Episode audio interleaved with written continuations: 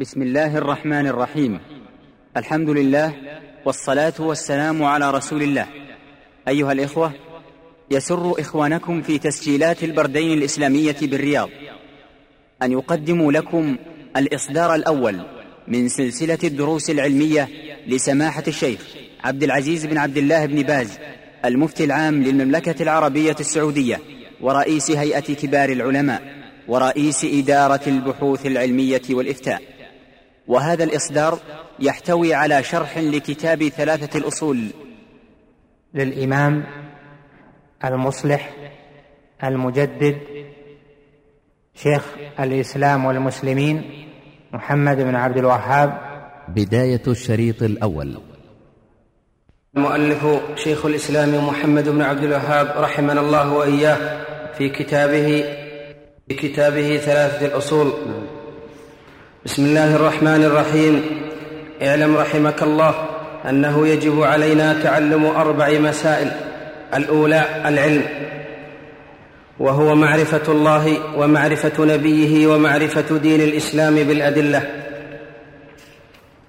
الثانية العمل به الثالثة الدعوة إليه الرابعة الصبر على الأذى فيه والدليل قوله تعالى بسم الله الرحمن الرحيم. والعصر إن الإنسان لفي خسر إلا الذين آمنوا وعملوا الصالحات وتواصوا بالحق وتواصوا بالصبر. قال الشافعي رحمه الله تعالى لو ما أنزل الله حجة على خلقه إلا هذه السورة لكفتهم. وقال البخاري رحمه الله تعالى باب العلم قبل القول والعمل. والدليل قوله تعالى فاعلم أنه لا إله إلا الله واستغفر لذنبك فبدأ بالعلم قبل القول والعمل. بسم الله الرحمن الرحيم. اللهم صل وسلم على رسول الله. هذه الثلاثة الأصول من أنفع الكتب وأخسرها. كان الناس في عهده رحمه الله وبعده يعلمونها الناس في المساجد العامة يعلمونها العامة يدرسونها ويلخصونها لهم لأنها مهمة. فهذه الثلاثة الأصول وهي معرفة الرب والدين والنبي عليه الصلاة والسلام. هي أصول الدين. إذا عرف العبد ربه ودينه ونبيه تم سعادته إذا عمل بذلك. فكان يعلم العامة هذه الأصول ويدرسونها في المساجد حتى يعلمها الخاص والعام والرجال والنساء لأنها مهمة وجامعة. فيقول رحمه الله اعلم رحمك الله أنه يجب علينا تعلم يعني علينا معشر المكلفين من الجن والإنس. تعلم أربع مسائل. لأنها جامعة للدين كله. الاولى العلم. يعني أن نتعلم. والعلم المطلوب منا أن نعرف ربنا بأسمائه وصفاته وأن نعرف دينه الذي شرعه لنا من الإسلام وأن نعرف نبيه له بالذي بعثه إلينا. هذا العلم.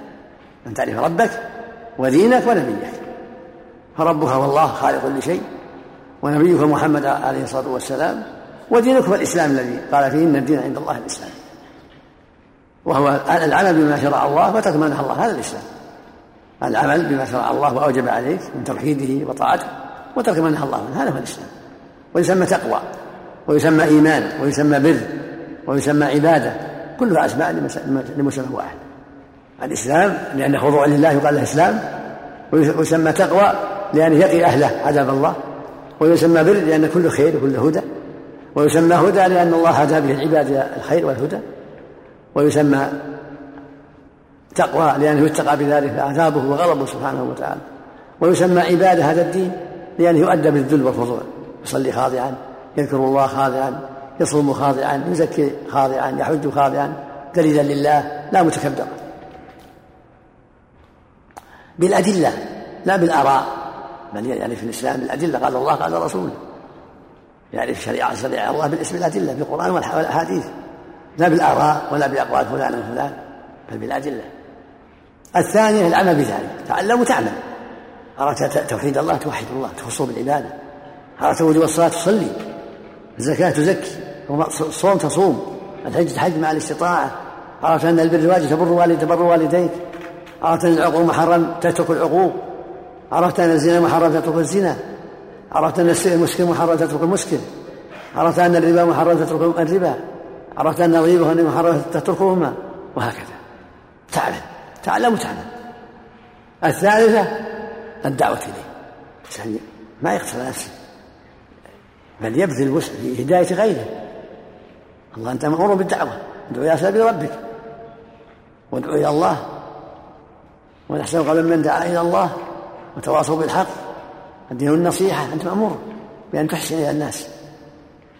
فإذا عرفت وهديت الخير علم الناس ادعو الناس إلى الخير. كما أعطاك الله الخير ادعو إلى الخير. كما علمك وأرشدك وهداك حتى علمت وعملت أحسن إلى الناس. علمهم أرشدهم في مسجدك في مجلسك في بيتك في المجالس مع زملائك مع غيرهم. فاجتهد في تعليم الناس حسب ما أعطاك الله من العلم. الرابع الصبر. لابد من صبر. ما لا علم ولا عمل ولا دعوة إلا الصبر لابد من الصبر. كما قال تعالى كما قال جل وعلا فاصبر كما صبر الذين الرسل وقال سبحانه واصبر وما صبرك إلا بالله. قال سبحانه واصبروا إن الله مع الصابرين. قال في سورة العصر والعصر إن الإنسان في خسر. إلا الذين آمنوا وعملوا الصالحات وتواصوا بالحق وتواصوا الذين آمنوا في العلم لأن الامام يكون له عن علم بالله ورسوله فيؤمن بذلك عن علم. يؤمن بأن الله ربه وإلهه الحق ومعبوده الحق وانه ذو الأسماء الحسنى والصفات العلى. ويعلم أنه شرع كذا وأمر بكذا إلى آخره. ويؤمن بالرسول صلى الله عليه وسلم وأنه محمد بن عبد الله بن عبد المطلب وأنه رسول الله بعثه إلى الناس عامة وأنه يجب طاعته واتباع شريعته ويعمل ثم يعمل. قال وعمل الصالحات. مع الإيمان عمل. ثم الدعوه قال وتواصوا. هذه الدعوة. تواصوا بالحق. والصبر وتواصوا بالصبر. فالسورة جمعت الخصال الاربع العلم والدعوة العلم والعمل والدعوة والصبر.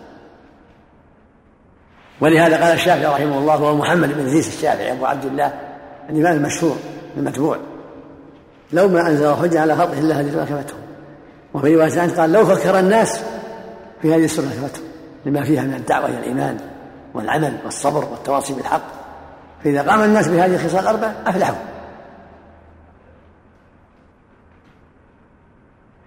وقال البخاري رحمه الله محمد بن إسماعيل الشافعي رحمه الله مات سنة أربعة ومائتين. الشافعي محمد بن عيسى توفي سنة أربعين ومائتين. في أول القرن الثالث. وقال البخاري رحمه الله محمد بن إسماعيل بن إبراهيم البخاري صاحب الصحيح توفي سنة ستة وخمسين ومائتين. في وسط القرن الثالث. قال رحمه الله في صحيح باب العلم قبل القول والعمل. يتعلم أول يتعلم ثم يعمل. يتبصر يجتهد يتفقه في الدين. كما قال النبي صلى الله عليه وسلم من يريد الله به خيرا يفقهه في الدين. بد من التبصر والتعلم أنت لم تخلق عبث لم تخلق لتأكل تشرب تزرع تحرث تتجر لا أنت مخلوق للعبادة. لكن الله يسر لك الأرزاق لتستعين بها طاعة الله. أعطاك السمع والبصر والعقل والقوة حتى تعمل. تبيع تشتري تحرث تصرف في أنواع الأسباب حتى تستعين بها على طاعة الله ورسوله. على فعل ما خلق الله لأجله. فأنت أعطاك الله قوة من السمع والبصر والعقل قوة البدن لتستعين بذلك على طاعة ربك بالأعمال التي تعينه. تعمل بناء تبيع تشتري زراع أي عدة من الأعمال. تعمل الأعمال المباحة حتى تستعين بالأجرة أو بالدخل الذي يحصل لها أستعين على طاعة الله ورسوله. قال الله تعالى فاعلم أنه لا إله واستغفر لذنبك. فبدأ بالعلم قبل أن يقول واستغفر لذنبك. فالواجب أن يتعلم ويتفقه في الدين ويعمل حتى يعمل على بصيرة لا يعمل جاهلا. يقول عليه الصلاة والسلام من يريد الله به خيرا يفقهه في الدين.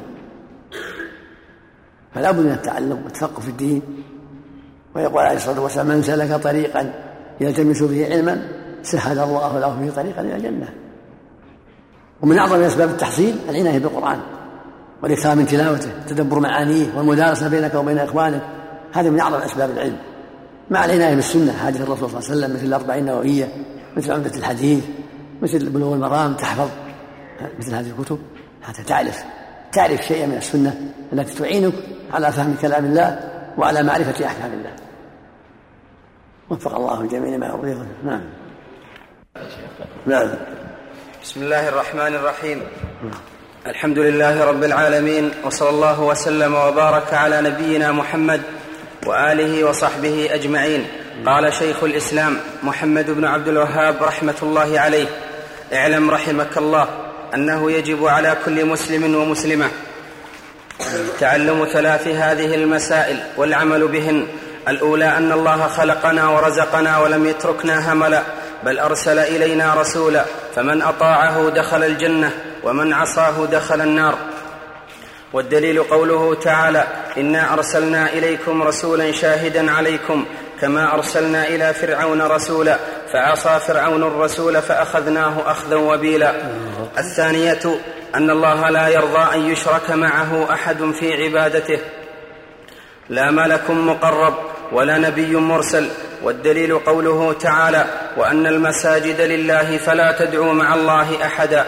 الثالثة أن من أطاع الرسول ووحد الله لا يجوز له موالاة من حاد الله ورسوله ولو كان أقرب قريب. والدليل قوله تعالى لا تجد قوما يؤمنون بالله واليوم الآخر يوادون من حاد الله ورسوله ولو كانوا آباءهم أو أبناءهم أو إخوانهم أو عشيرتهم. أولئك كتب في قلوبهم الإيمان وأيدهم بروح منه. ويدخلهم جنات تجري من تحتها الأنهار خالدين فيها. رضي الله عنهم ورضوا عنه. أولئك حزب الله. ألا إن حزب الله هم المفلحون. بسم الله الرحمن الرحيم. اللهم صل وسلم على رسول الله وعلى آله وصحبه أما بعد فيقول مع المؤلف رحمه الله هو الشيخ والإمام محمد بن عبد الوهاب رحمه الله المجدد من درس المعارف الإسلام في النصف الثاني من القرن الثاني عشر. المتوفى سنة ست ومائتين وألف من الهجرة رحمه الله. يقول رحمه الله اعلم رحمك الله أنه يجب علينا تعلم هذه الثلاث المسائل والعمل بهن. تقدم الأربع المسائل التي ذكرها المؤلف وأن يجب تعلمها والعمل بها وهي معرفة الله الأولى العلم وهي معرفة الله ونبيه ومعرفة الإنسان بالأدلة والثانية العمل به الثالثة الدعوة إليها الرابعة الصلاة على ذلك وهذا حق. يجب على المسلم أن يتعلم ويتفقه في الدين ويعمل وأن يكون ناصحا لله ولعباده وأن يكون صابرا كل هذا حق. وهذه مسائل ثلاث كذلك يجب تعلمها لانها داخله في العلم السابق. هذه الثلاث داخله في العلم السابق. معرفه الله ومعرفه نبيه ومعرفه الدين الإسلام بالادله هي داخلة فيها لكن نبه عليها لمزيد الأهمية. وانها داخلة في دين الإسلام بالادله الاولى أن تعلم أن الله خلقنا ورزقنا ولم يتركنا هملا هذا من تعلم الدين. نحن مخلوقون مرزوقون. الله الخلاق الرزاق. قال جل وعلا وما خلقت الجن والإنس إلا ليعبدون ما أريد من رزق؟ يرحمك الله. وما أريد أن يطعمون؟ إن الله هو الرزاق ذو قوة متين ولم يتركنا حملا بل أرسل إلى رسولا فمن أطاعه دخل الجنة ومن عصاه دخل ما ترك الناس حمل بل أرسل الرسل وأنزل الكتب. ونصيبنا منهم محمد صلى الله عليه وسلم. أرسله إلينا. لقد جاءكم رسول أنفسكم. قل يا أيها الناس اني رسول الله جميعا. وما أرسلناك إلا كافة للناس بشيرا ونذيرا. فمن أطاع دخل الجنة ومن عصاه دخل النار. هكذا نص القرآن.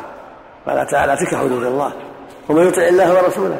يدخله جنات تجري من تحت من تحتها فيها وذلك الفوز العظيم. ومن يعص الله ورسوله ويتعدى حدوده يدخله نار خالدا فيها وله عذاب مهين وقال النبي صلى الله عليه وسلم من اطاعني دخل الجنة ومن عصاني دخل النار. فالواجب على الأمة كلها أن تستقيم على دينه وأن تحافظ عليه وأن توالي عليه وتعادي عليه. هذا هو دين الله.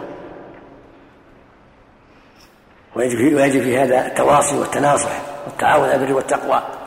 ولا سيما في هذا العصر عصر الغربة وعصر الاختلاط بين الأمم. يجب الانتباه والتعاون بالبر والتقوى والتواصي بالحق والتعلم لدين الله حتى تكون على بصيرة أنت وأهلك وإخوانك وجلساؤك وأهل بلدك. لا تدخر وسعا الثاني من المسائل أن الله لا يرضى أن يشرك معه إلى أحد. لا ملك مقرب ولا نبي هذا داخل أيضا في عنوان العلم. من العلم النافع أن تعلم أن الله لا يرضى لا يشرك معه أحد في عباده لا ملك مقرب ولا نبي مرسل بل يجب إخلاص العبادة لله وحده دون كل ما سواه. قال تعالى ولو أشركوا لحبط عنهم ما كانوا يعملون. قال تعالى ولقد أوحي إليك وإلى من قبلك لئن أشركت ليحبطن عملك ولا تكن من الخاسرين. قال تعالى إن الله لا يغفر الشرك به ويغفر ما دونه من يشاء. قال تعالى إنه من يشرك بالله فقد حرم الله عليه الجنة ومأواه النار. وما للظالمين أنصار. فلا يجوز لأي إنسان أن يعبد مع الله غيره. أو يصرف من عبادة غير الله كائنا من كان. قال تعالى فلا تدعو مع الله أحدا. قال تعالى ولا تدعو من دون الله ما لا ينفعك فإن فعلت فإنك إذا من الظالمين. قال تعالى ومن يدعو مع الله إلها آخر لا برهان له فإنما حسابه عند ربه إنه لا يفلح الكافرون. سماه كافر.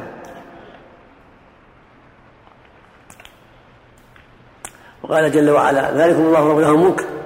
سبحانه وتعالى. والذين تدعون من دونه ما يملك ما يملك من قطمين إن تدعوهم لا يسمعوا دعاء ولو سمعوا ما استجابوا ولو سمعوا ما استجابوا لكم. ويوم القيامة يكفر بشرككم. سمى دعاءهم شركا فمن دعا المخلوقين من دون الله من الأصنام والأشجار والأحجار أو الأموات أو الجن هذا هو الشرك. الاكبر فالذي يقول يا رسول الله انصرني اشفي مريضي أو يأتي إلى قبره أو يا سيدي البدوي أو يا سيدي الحسن أو يا فلان أو يا فلان أو يا أولياء الله أو يا ملائكة الله أو يا مشر الجن انصرونا هذا الشرك الأكبر. الثالثة أن من أطاع الرسول وحد الله المسلم الذي أطاع الله ورسوله وحده وأطاع الرسول لا يجوز اموال المشركين كل مسلم وحد الله وأطاع لا يجوز اموال المشركين ولا يحبهم بل يعاديهم في الله ويبغضهم في الله. هذا من دين الله.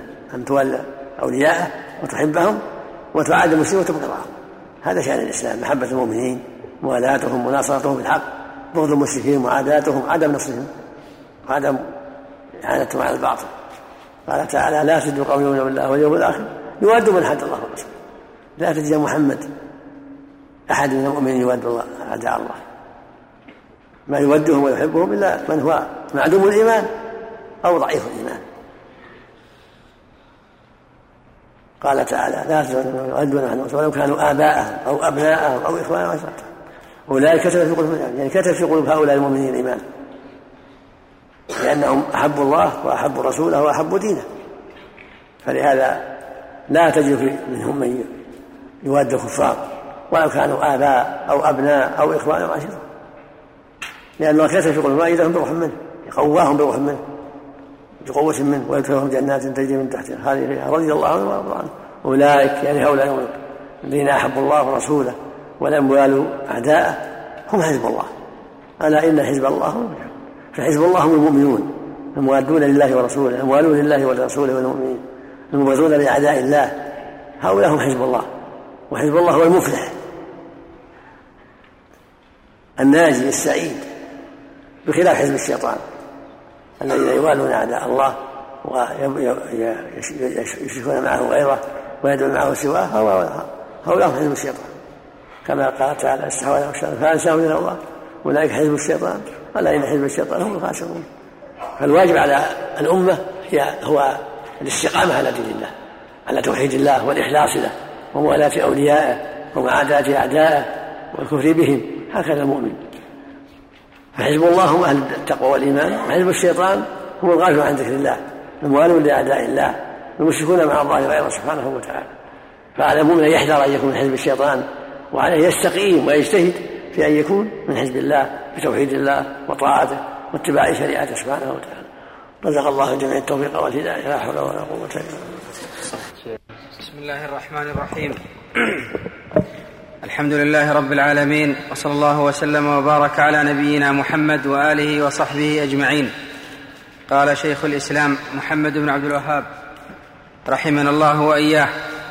اعلم أرشدك الله لطاعته أن الحنيفية ملة إبراهيم أن تعبد الله مخلصا له الدين وبذلك أمر الله جميع الناس وخلقهم لها كما قال تعالى وما خلقت الجن والإنس إلا ليعبدون ومعنى يعبدون يوحدون وأعظم ما أمر الله به التوحيد وهو إفراد الله بالعبادة وأعظم ما نهى عنه الشرك وهو وهو دعوة غيره معه. والدليل قوله تعالى واعبدوا الله ولا تشركوا به شيئا فإذا قيل لك ما الأصول الثلاثة التي يجب على الإنسان معرفتها فقل معرفة العبد ربه. ودينه ونبيه محمدا صلى الله عليه وسلم. فإذا قيل لك من ربك فقل ربي الله الذي رباني وربى جميع العالمين بنعمه وهو معبودي ليس لي معبود سواه والدليل قوله تعالى الحمد لله رب العالمين وكل من سوى الله عالم وأنا واحد من ذلك العالم. فإذا قيل لك بسم الله الرحمن الرحيم. اللهم صل وسلم على رسول يقول المؤلف رحمه الله وهو الشيخ الإمام محمد بن وهب رحمه الله يقول اعلم ارشدك الله لطاعته هذه عادته. يعلم ويدعو للطالب. وهذا من إحسانه الكبير ومن تواضعه ومن كمال نصحه. يعلم ويدعو للطالب. حينما أرسلك الله لطاعته أن الحنيفية ملة إبراهيم. أن تعبد الله وخلص له الدين. لأن الله سمى الحنيفية. ثم أوحينا أن تعبد ملة إبراهيم حنيفا. الحديث المعروع المشهور أحب إلى الله أحب إلى الله الحنيفية السمحة. يعني إخلاص الدين لله الحنيفية إخلاص الدين لله وحده وترك الإشراك به. هذه الحنيفية. فالحنيفية ملة إبراهيم هي عبادة الله وحده وترك الإشراك به سبحانه وتعالى. ولهذا قال أن تعبد الله مخلصا له الدين. هذه الحنيفية. سميت حنيفية لأنها مائلة عن الأديان. الأديان كثيرة. عبادة الشمس والقمر والنجوم والأصنام والجن وغير ذلك كثيرة. لكن عباد الله وحده هي الحنيفية التي انحازت عن الأديان كلها واختصت به سبحانه وحده دون كل ما سواه. هذه الحنيفية. والحنيف والمقبل على الله والمرض عما سواه. الذي أخلص لله العبادة وانحاز عن الأديان كلها إلى عبادة الله وحده. وبذلك أمر الله جميع الناس بهذه الحنيفية وهي إخلاص العبادة أمر الله جميع الناس. قال يا أيها الناس اعبدوا ربكم. وما أمروا إلا ليعبدوا الله مخلصين له الدين فنافع قال ربك ألا تعبدوا إلا إياه. إلى غير ذلك من الآيات. وخلقهم لها. كما قال تعالى وما خلقت الجن والإنس إلا ليعبدون. والعبادة هي التوحيد وهو إفراد الله بالعبادة والشرك هو دعوة غيره معه. وقال الشرك صرف بعض العبادة لغير الله. كأن يدعو الجن أو الأصنام أو الملائكة أو يستغيث بهم أو ينذر لهم هذا الشرك. صرف بعض العبادة لغير الله من ملائكة أو أنبياء أو جن أو أصنام أو غير ذلك. هذا الشرك. فلا تدعو مع الله أحدا سمي شركا لأنه تشريك مع الله العبادة. والله لا شريك له. فإذا دعوت غيره فجعلت فقد جعلت غيره شريكا له سبحانه وتعالى. ولهذا قال جل وعلا إن الله لا يغفر أن يشرك به. قال سبحانه ولا سبحانه ولا ولو أشركوا لحبط عنهم ما كانوا يعملون. قال سبحانه وتعالى إنه من يشرك بالله فقد حرم الله عليه الجنة ومأواه النار. قال سبحانه ولقد أوحي إليك وإن من قبلك لئن أشركت ليحبطن عملك ولا تكون من الخاسرين. في آيات كثيرة. دليل قوله تعالى واعبدوا الله ولا تشركوا به شيئا. اعبدوا الله يوحدوه خصوه بالعبادة. ولا تشركوا به شيئا لا تعبدوا معه أحدا. لا قليلا ولا كثيرا. شيئا يعم قليل وكثير ولو ذباب ولو ذباب لا يصلح لا يعبد مع الله. غيره ولو بذباب ولو بتمرة. يجب بخاص العبادة لله وحده سبحانه وتعالى. لأن هذا هو الحق. وهذا هو أصل الدين وأساس العمل. وهذا دون الأنبياء. إخلاص العبادة لله وحده. ولهذا خلق الله الخلق وأرسل الرسل. فإذا قيل ما الأصول الثلاثة؟ سألك سائل. ما هي الأصول الثلاثة؟ أنت مأمور بها. تسألها يوم القيامة. تسألها في القبر ما هي؟ هو ما العبد ربه ودينه ونبيه محمد. هذه الثلاثة تسألها في القبر. ناس العبد ربه ودينه ونبيه صلى الله عليه وسلم. فاعرفها واربطها حتى تكون بصيرا بها. فإذا قيل لك من ربك؟ قد تقدم هذا في في أول مسائل. أن رحمه الله نجم تعلم أربع مسائل. هذا العلم وهو معرفة الله معرفة نبيه معرفة دين الإسلام بالأدلة العلم يدور على هذا معرفة الرب والنبي والإسلام. الدين يرجع إلى هذه الثلاث. ربي الله الذي رباني يعني خلقني رباني بالنعم وربى جميع نعمته. هو ربك. رباك أخرجك نطفة ثم علقة ثم مضغة رباك في في أمك بالحليب. وبغيرهم من النعم حتى كنت رجلا سويا. هو ربك. هو خالقك. كما قال جل وعلا الحمد لله رب العالمين.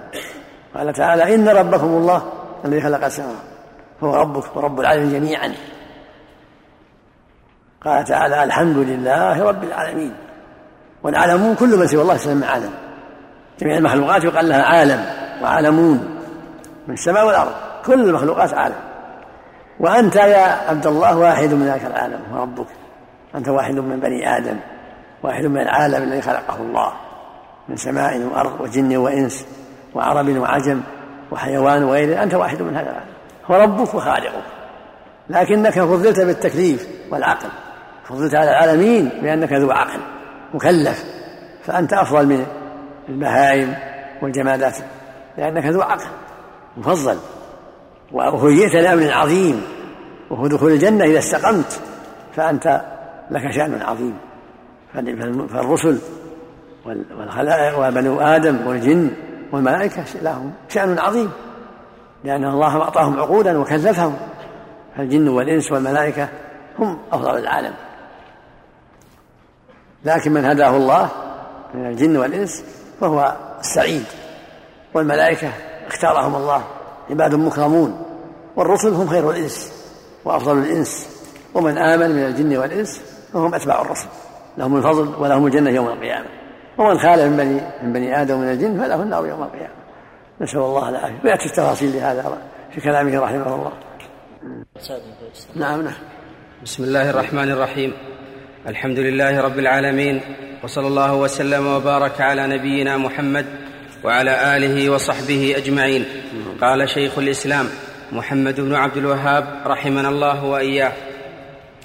فإذا قيل لك بما عرفت ربك بما عرفت ربك فقل بآياته ومخلوقاته ومن آياته الليل والنهار والشمس والقمر ومن مخلوقاته السماوات السبع والارضون السبع وما فيهن وما بينهما والدليل قوله تعالى ومن آياته الليل والنهار والشمس والقمر لا تسجدوا للشمس ولا للقمر واسجدوا لله الذي خلقهن إن كنتم إياه تعبدون وقوله تعالى إن ربكم الله الذي خلق السماوات والأرض في ستة أيام ثم استوى على العرش يغشي الليل النهار يطلبه حثيثا والشمس والقمر والنجوم مسخرات بأمره ألا له الخلق والأمر تبارك الله رب العالمين والرب هو المعبود والدليل قوله تعالى يا أيها الناس اعبدوا ربكم الذي خلقكم والذين من قبلكم لعلكم تتقون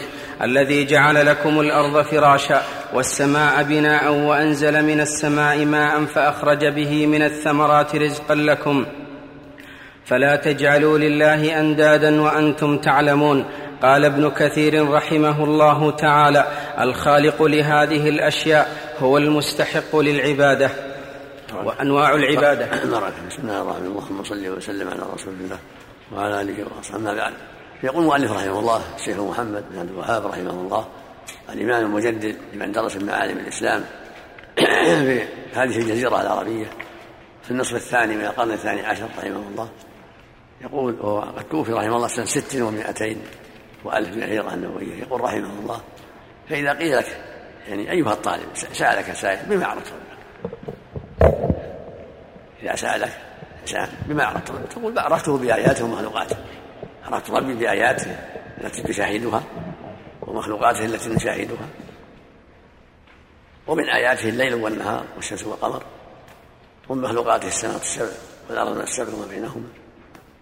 كل هذه دلائل على أنه الخلاق العليم وأنه رب العالمين الذي قال فيه جل الذي قال سبحانه ما خلقت الجن والإنس الا ليعبدون يا أيها الناس اعبدوا ربكم.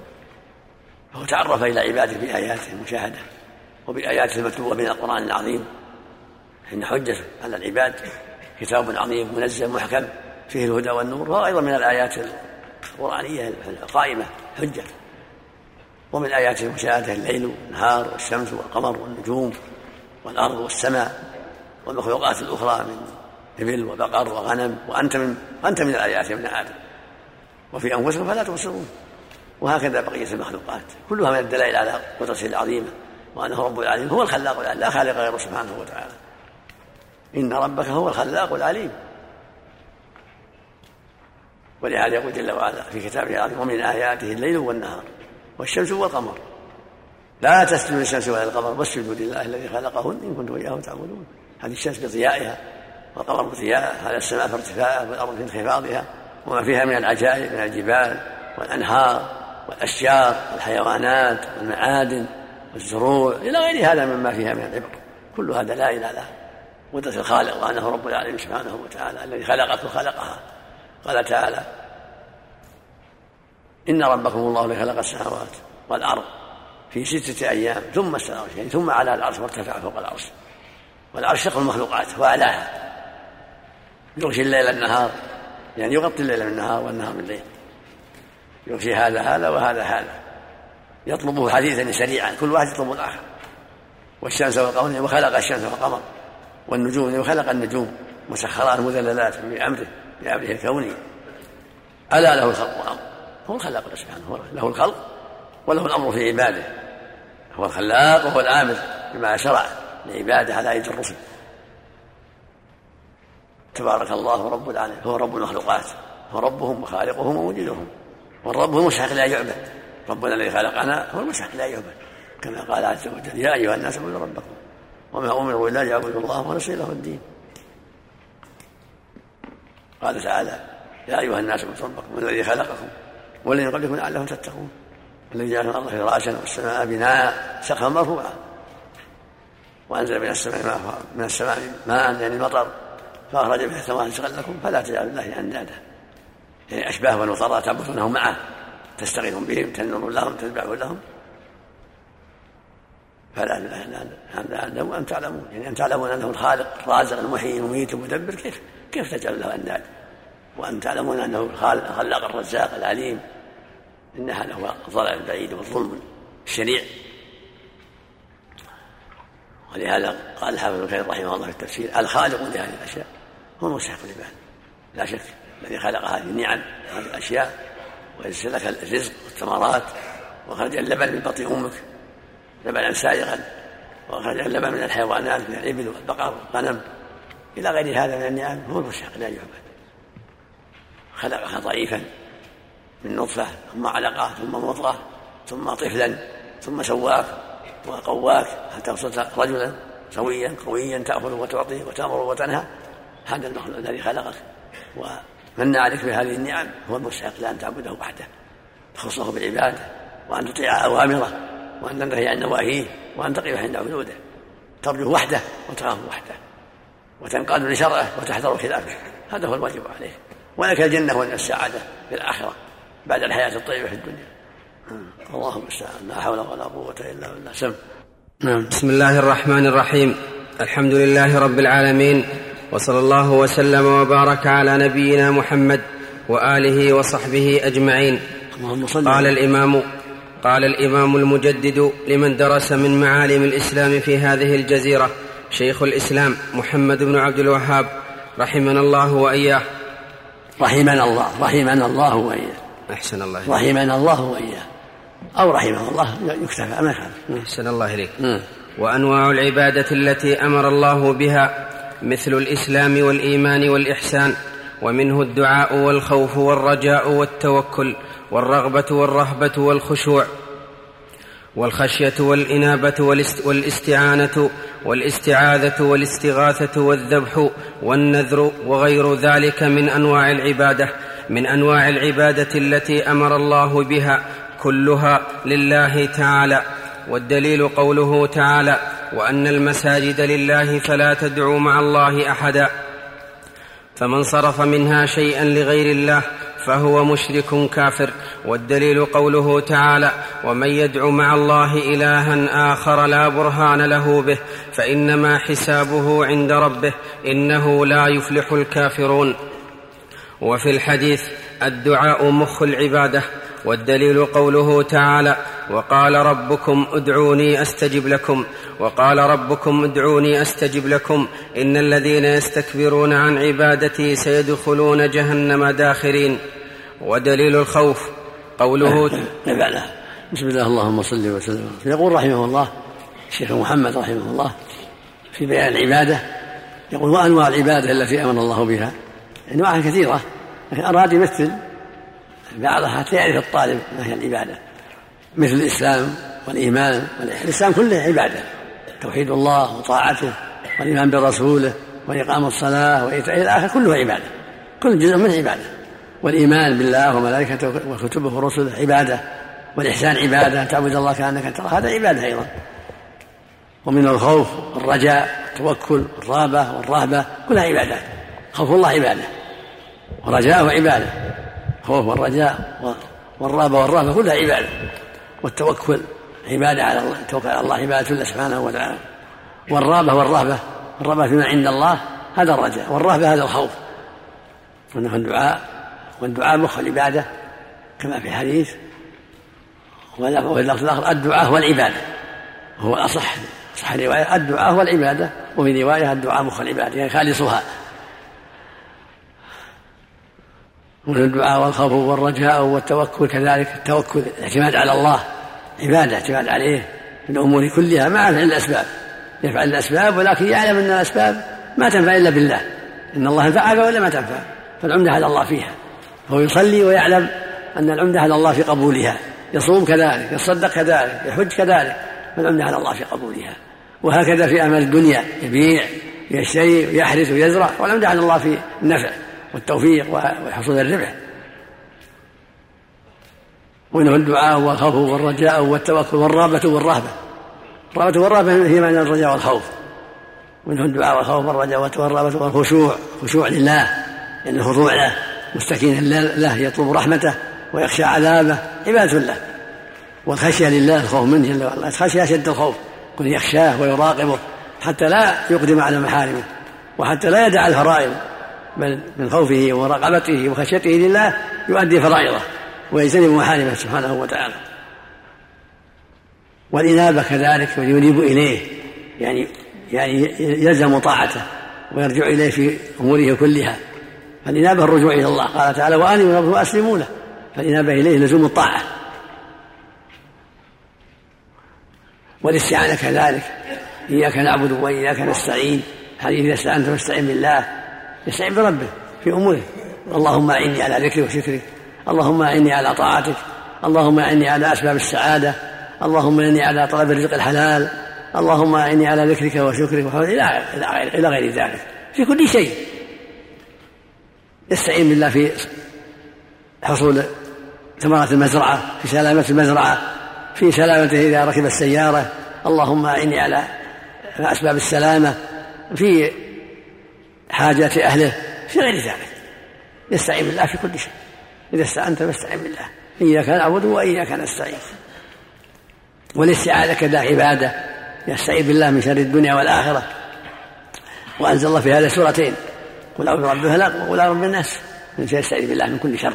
اللهم إني أعوذ من شر أعوذ من شر نفسي من شر الشيطان من شر كل شر. تستعيذ بالله من شر كل شر. عبادة لله جل وعلا. والذبح والنذر كذا عبادة. قال تعالى قل إن صلاتي ونسكي يعني ذبحي. ومماتي لله رب لا شريك له. قال تعالى إنا أعطيناك الكوثر فصل ربك وانحر. فالدعاء فالذبح والنذر عبادة أيضا. وغير ذلك من أنواع العبادة التي أمر الله بها كلها عبادة. ما أمر الله به فهو عبادة. وما نهى عن تركه عبادة. كله لله تتقرب به لله. لا لغيره. تصلي لله تصوم لله تدعو الله تستغيث به. لا تدعو الأصنام ولا قبور ولا أصحاب القبور. ولا الشجر ولا الحجر تستغيث بالله تنذر لله تذبح لله إلى غير ذلك فمن صرف من هذه العبادة شيئا لغير الله فقد أشرك بالله. كعباد القبور وعباد الأصنام وعباد الكواكب إلى غير ذلك. والدليل قوله تعالى فلا تدعوا مع الله أحدا. وأن مسألة الله فلا تدعوا مع الله أحدا. يعم دعاء العبادة ودعاء المسألة. لا دعاء العبادة بالسؤال كان يقول يا سيدي فلان انصرني أو اشفني أو بالعبادة يصلي له يصوم له كل هذا عبادة. أو ينذر له أو يذبح له كما يفعل عباد القبور وعباد الأصنام.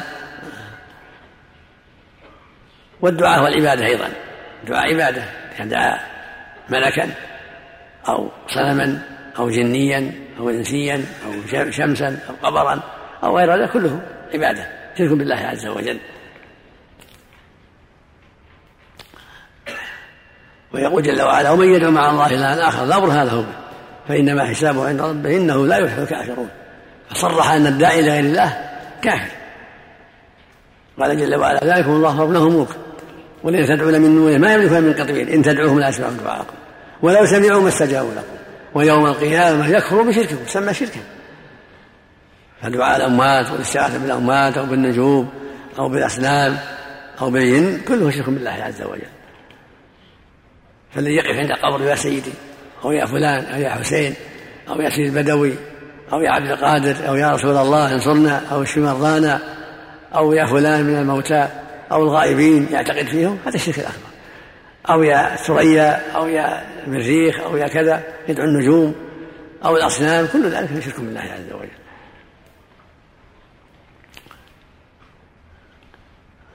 فالواجب على العبد أن يحذر أنواع الشرك كلها وأن يحذر جميع ما يجر إلى ذلك وأن يكون في أعماله مخلصا لله وحده لا يدعو معه سواه جل وعلا. هذا هو الواجب على المؤمن أينما كان. وكل مكلف يجب عليه هذا من الجن والإنس. يجب عليه إخلاص لله وعباده وحده وترك الإشراك به جل وعلا لأنه خلق لهذا. وما خلقت الجن والإنس إلا ليعبدون. فعلى الجن والإنس جميعا رجالهم ونسائهم شيوخهم وعامتهم وأغنيائهم وفقرائهم عليهم جميعا أن يعبدوا الله وحده ويخصوه بالعبادة وأن ينتهزوا أوامره وينتهوا عن نواهيه وأن يقفوا عند حدوده أينما كانوا. هذا هو الواجب عليهم ولهم داران الجنة والنار يوم القيامة الجنة لمن اتقى وأطاع المولى وأدى هذه العبادة والنار لمن حاد عن السبيل وتابع الهوى. نسأل الله العافية. وفق الله جميعا سم